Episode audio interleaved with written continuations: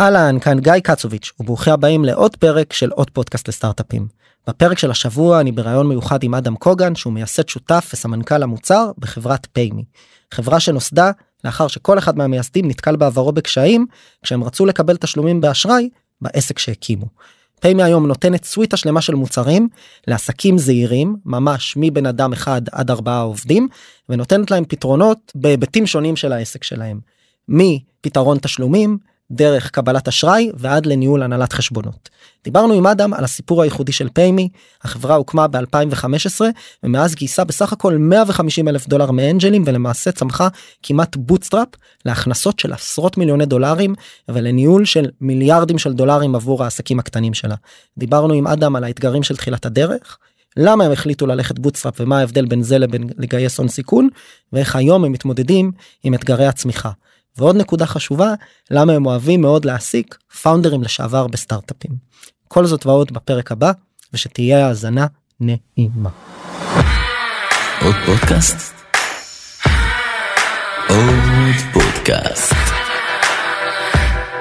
עוד פודקאסט לסטארט-אפים.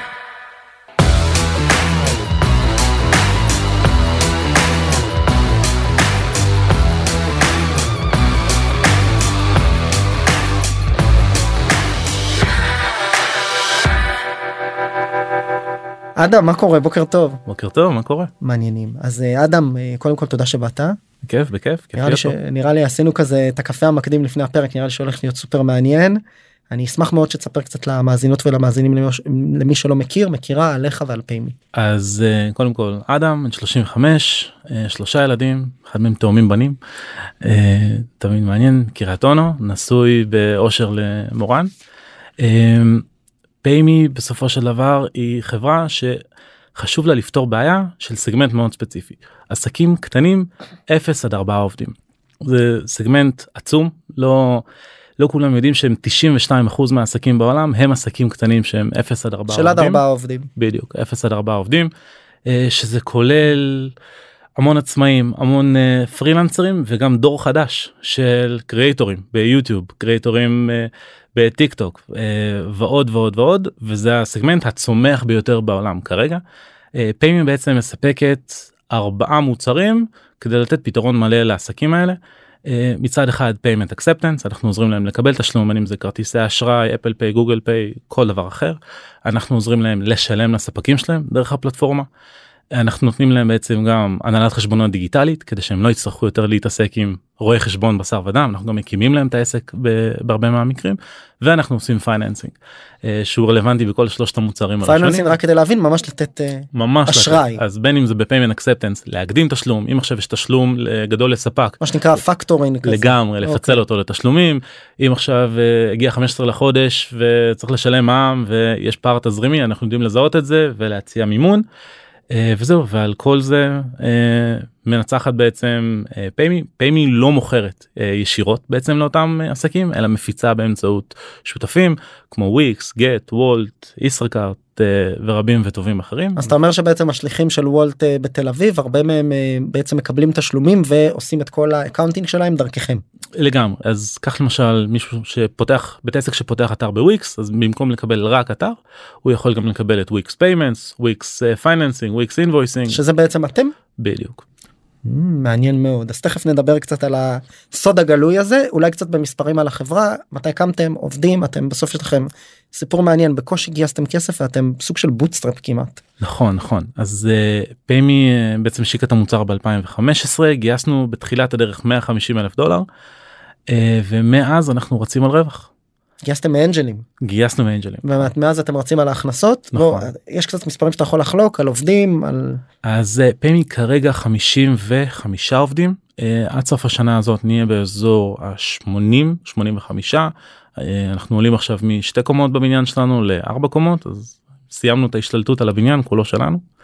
אה, וזהו ועכשיו אתם מתייחסים קצת לכמות לקוחות revenues מה שאתה יכול לספר פומבי או ששיתפתם אה, בעבר לגמרי אז פיימי כרגע אה, נותן שירות לכמה עשרות אלפי SMBs ומייקרו ביזנסס בעצם דרך באזור 200 שותפים. הכנסות של עשרות מיליונים בשנה ובצמיחה שככה שכל שנה אנחנו גדלים ביותר מסך כל השנים הקודמות. מדהים. אז אני רוצה שנייה ללכת שלושה צעדים אחורה אדם ואולי לדבר ש... על בכלל איך התחיל כל הסיפור הזה ומאיפה הגיע הרעיון. אז uh, הרעיון התחיל במשהו שונה לחלוטין uh, התחלנו בעצם ברעיון של לקבל תשלום באשראי באתרים כמו יד 2 וווין ווין uh, שהיו באותה תקופה uh, השותף שלי שהוא גם האדם הוא המוצלח מבין שנינו uh, היה לו את הרעיון לאפשר לכל מי שרוצה למכור את האופניים שלו את הספה שלו ב- ביד 2 uh, לקבל תשלום באשראי ולא רק במזומן או במה שהיה. אה, וככה בעצם שברנו את הראש אמרנו אוקיי אנחנו מאמינים בזה זה הולך להיות העתיד היוניקורן הבא אה, לקבל אשראי ביד 2 לא ידענו אה, כלום על כלום אה, הבנו שאנחנו צריכים יכולת לקבל אשראי לי היה כרטיס של חבר לא היה כרטיס של חבר יש שם לוגו של ישראכרט. אמרנו אוקיי התקשר לישראכרט התקשרתי למוקד שירות לקוחות אמרתי להם שלום אני רוצה לעשות שיתוף פעולה עם ישראכרט לא עבד.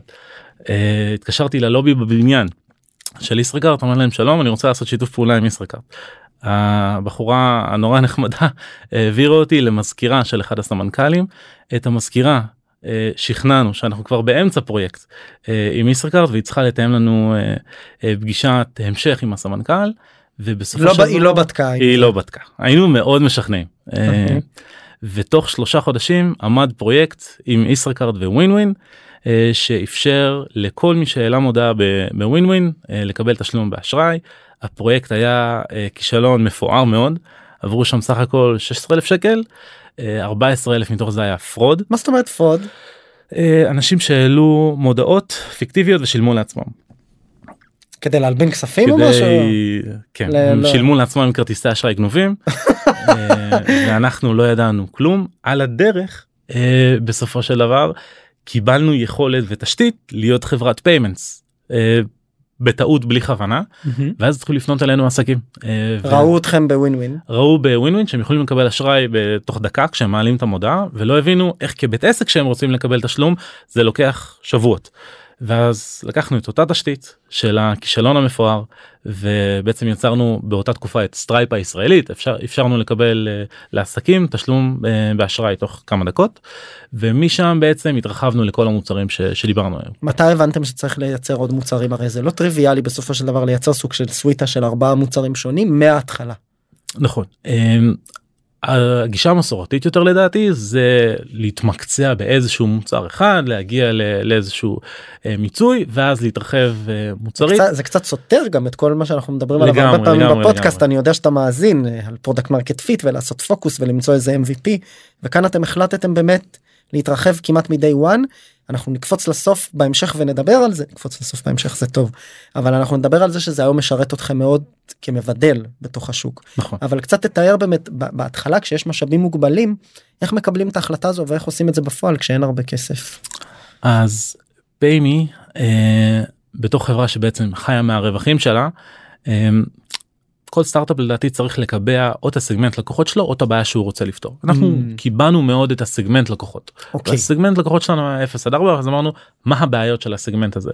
והבנו ש payments אה, הוא חשוב אבל הוא לא ה pain point העיקרי שלהם. כשאתה עכשיו מסתכל על מה הכאבים הכי גדולים של עסקים קטנים זה א' איך אני מביא עוד לקוחות ב' המורכבות התפעולית ש payments נופל שם וג' זה גישה לאשראי ו- Mm. ותזרים. אתה אומר בעצם payments היום הופך להיות סוג של commodity יש. היום המון פתרונות נכון. שלוקחים עמלה אבל נכון. עושים עבודה טובה. עמלה שהולכת ויורדת. הולכת ויורדת ובעצם זה היום הופך להיות סוג של commodity אני לא זה לא הבידול. נכון. ידעתם את זה כבר אז?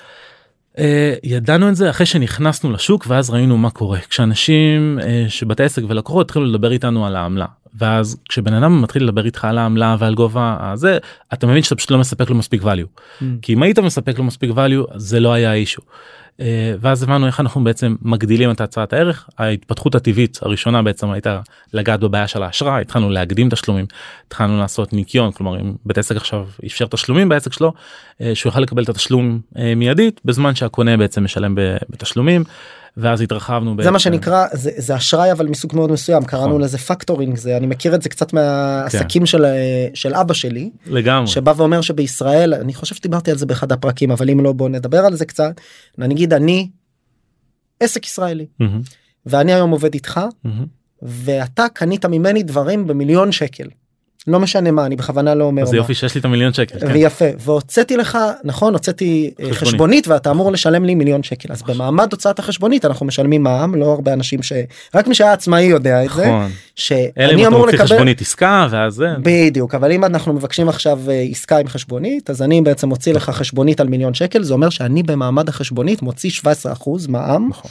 לרשויות המס. ואז אתה ממתין לשוטף פלוס. ואת הכסף ממך אני מקבל בדרך כלל בשוטף פלוס פה יש שיחה אחרת על אה, מוסר תשלומים ישראלי ומוסר תשלומים שמתחיל עוד מהמגזר הציבורי של שוטף פלוס נכון. 120 או שוטף פלוס אה, 180 לנצח. אנחנו בצבא שילמנו 180. 180 ובהרבה מהעסקים זה שוטף פלוס 30 או שוטף פלוס 60 ואז נכון. בעצם הממוצע בארץ הוא שוטף פלוס 45. אז אנחנו נכנסים פה לבעיה תזרימית זה. בארץ וזה קורה זה רלוונטי גם לשווקים אחרים מן הסתם זה עוד יותר גרוע בארצות הברית וזה עוד יותר גרוע באירופה. מדהים. אה, עכשיו, אז זה אז רק כדי להסביר על הפקטורים זה לזה אנחנו מתכוונים שאנשים לא יחשבו שבן אדם בא ומבקש אשראי עכשיו לפרויקט החדש שלו אלא בעצם צריך את ההשלמה הזו לזמן הזה את ה-17 אחוז האלה לאותו זמן עד שאני אקבל ממך את התשלום. אז זה לגמרי אחד סוגי המימון יש יש כמה סוגים נגיד אה, אם אני עכשיו אה, דיאטנית אה, שמספקת איזשהו שירות ורוצים לשלם לי בתשלומים כי זה סכום כבד אז אני בתור דיאטנית רוצה לקבל את כל הסכום עכשיו ולא על פני 12 חודשים זה סוג אחד של מימון קוראים לזה ניקיון. עוד סוג של מימון שהוא מאוד פופולרי זה מה שבעצם אתה ציינת שזה פקטורינג מהמם. שזה בעצם כשאני עובד מול עסקים אחרים ושיטת השוטף פלוס אז פיימי נותנת מענה ל- לכל סוגי אתם נותנים גם המימון האלה. סתם במרכאות אשראי לבן אדם שרוצה להקים פרויקט חדש או שזה בדרך כלל הצרכים האלה של תשלומים ופקט- זה- ופקטורינג. הרוב המוחלט בגלל שאנחנו מספקים גם מוצר payment וגם מוצר digital bookkeeping אז אנחנו מזהים את הפערי תזרים כשהם קורים ואז Mm. אנחנו יודעים להציע את המימון בזמן ובמקום הנכון. וזה כבר חוזר לייחודיות של הפלטפורמה שבה אתם נמצאים עם שני מוצרים אחרים ואתם ממש יש לכם איזשהו visibility ללקוחות שלכם ואיך הם מתנהגים במצב הזה לגמרי. והאם כדאי או לא כדאי לתת להם. נכון כשאנחנו בעצם נתנו את פתרון ה payments בהתחלה אז הייתה לנו visibility רק ל-30% מהפעילות של בית העסק ואז אמרנו איך אני יכול לראות 100% מהפעילות של בית העסק איך אני יכול לפתור לו בעיה גדולה יותר ואז מוצר ה bookkeeping היה מתבקש כי בתור digital bookkeeping יש לך 100% visibility לבית העסק גם על ההכנסות גם להוצאות ואתה יודע לפתור לו בעיה גדולה יותר. אז אני עכשיו הולך לשאול אותך שוב את השאלה המעצבנת איך את כל זה בונים בבוטסטראפ. לאט ובזהירות. אה, ב bootstrap אתה משלם מחיר על ה bootstrap והמחיר הזה הוא זמן אה, הוא המהירות שלך כלומר כל דבר שאתה עושה אתה עושה יותר לאט. אה, מצד שני כל דבר שאתה עושה זה משהו שמכניס כסף אתה לא אין לך את הפריבילגיה לעשות משהו שלא מכניס לך כסף בפרק זמן שהוא שהוא נראה לעין. עכשיו אני יכול להגיד לך אחרי 7-8 שנים אה, בתוך החברה יש לי פרויקטים שיש להם ROI בעוד שנתיים. זה לא משהו שאתה יכול להרשות לעצמך בשנים הראשונות אז אנחנו נכנסנו למימון כי ה margin-ים במימון היו גבוהים יותר מה margin-ים ב payments.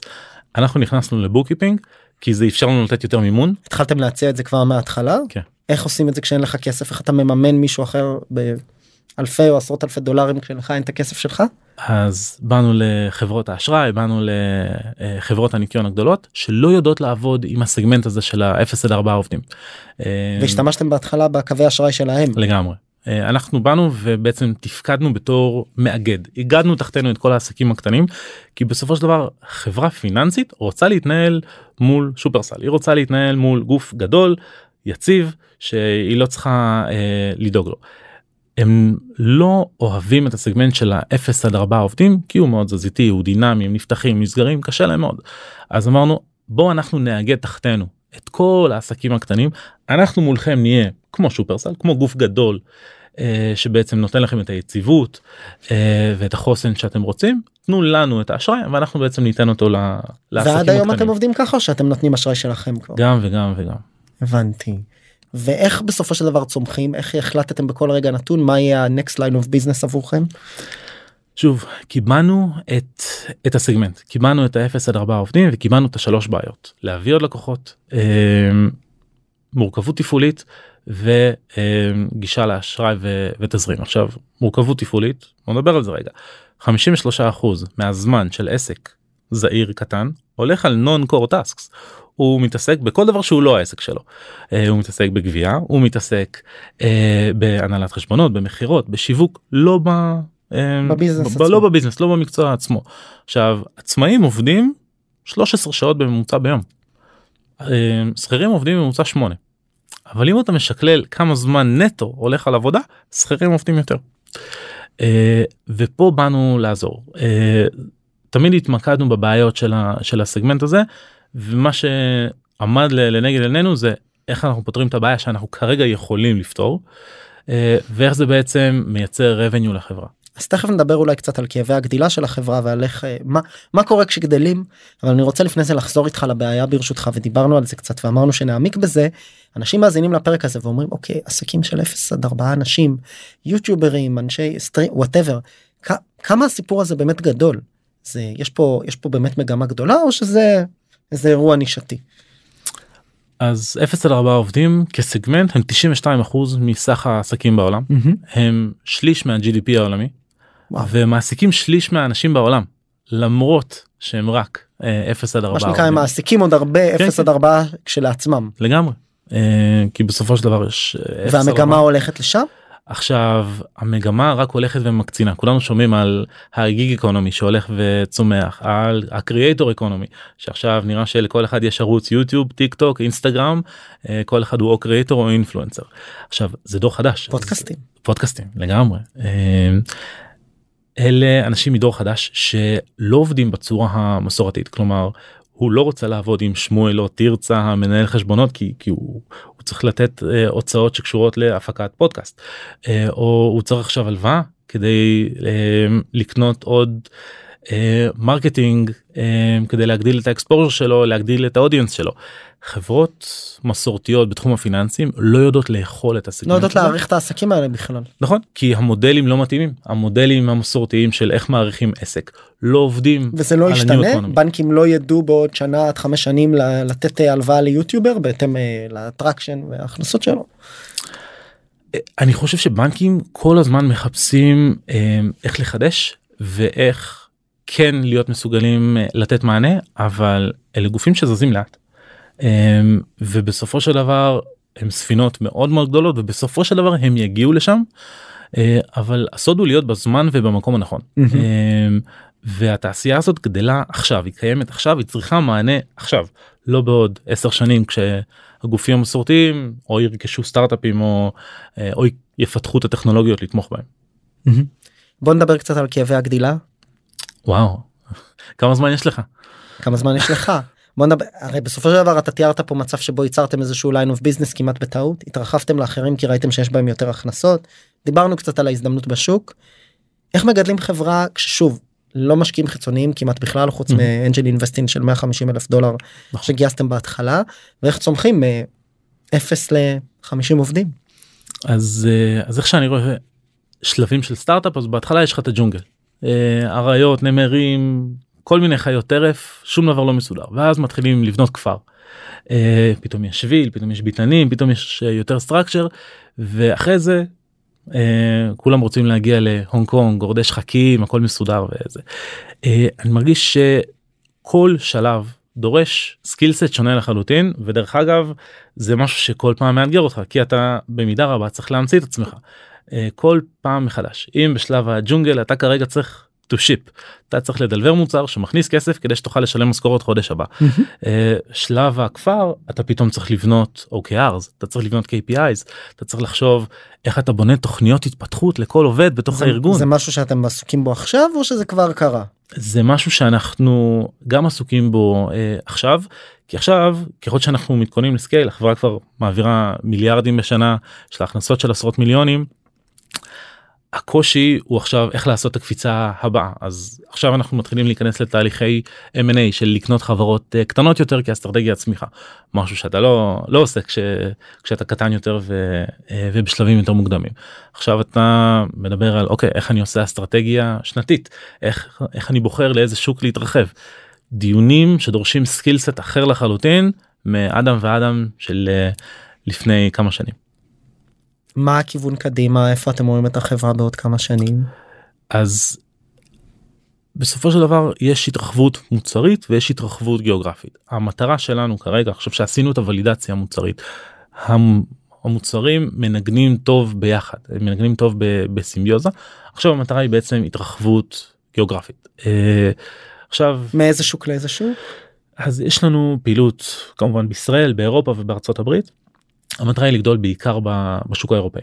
אה, אני חושב שאולי זה counterintuitive כי הרבה סטארט-אפים מסתכלים על השוק האמריקאי בתור השוק אה, המעניין או הגדול יותר אבל השוק האירופאי הוא שוק עצום. אה, והוא שוק שהבעיות שאנחנו באים לפתור של עסקים קטנים של קושי של cash flow הם, הם מהותיים יותר והם כואבים יותר ויש פחות פתרונות אה, בשוק האירופאי. אה, אפילו ה skill set של האנשים שאנחנו מחפשים עכשיו הוא שונה. כל אנחנו עכשיו מחפשים אקס פאונדרים שיובילו פעילויות. יש לנו הרבה אקס פאונדרים בחברה. גילינו שיש להם את ה skill set הטוב ביותר לפתור בעיות. למה?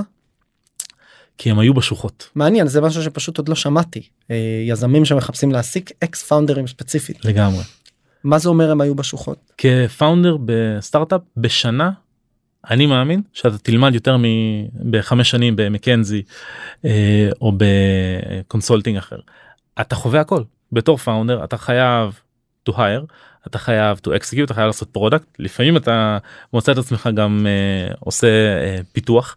Uh, אתה עושה מכירות אתה עושה שיווק אתה עושה הכל אתה מגלה במה אתה טוב אתה מגלה במה אתה לא טוב אבל יותר מהכל אתה נדרש לפתור בעיות.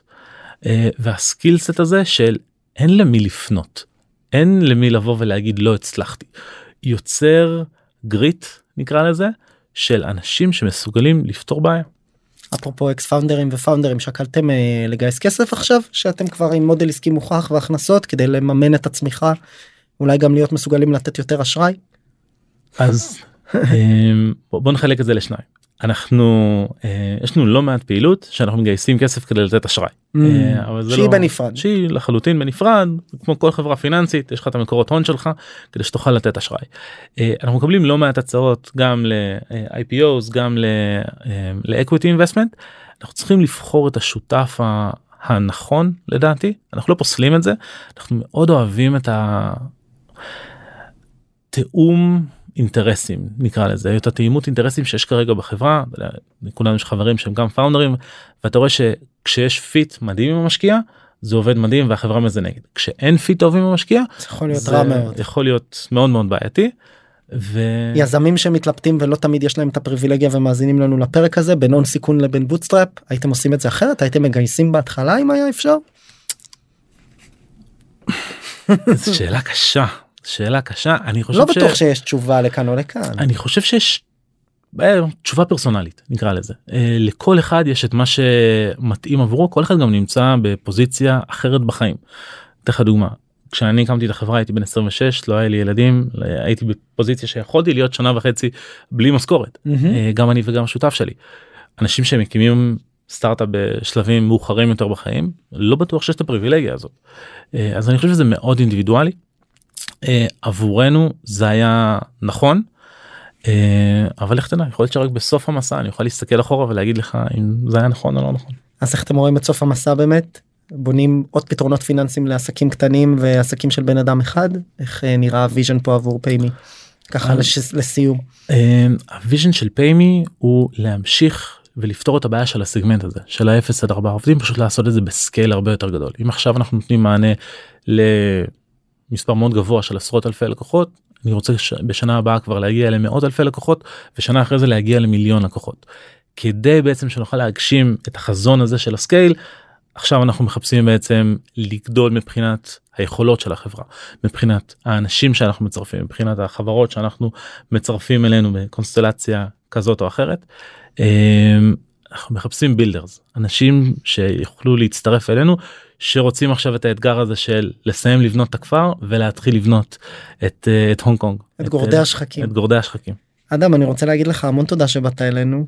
היה לי מאוד כיף לראיין אותך ובניתם פה משהו מדהים. חברה מאפס ב bootstrap. אה, זהו מאחל לכם שאקס פאונדרים יצטרפו וגם לא אקס פאונדרים לפעמים. כל, כל האנשים הטובים.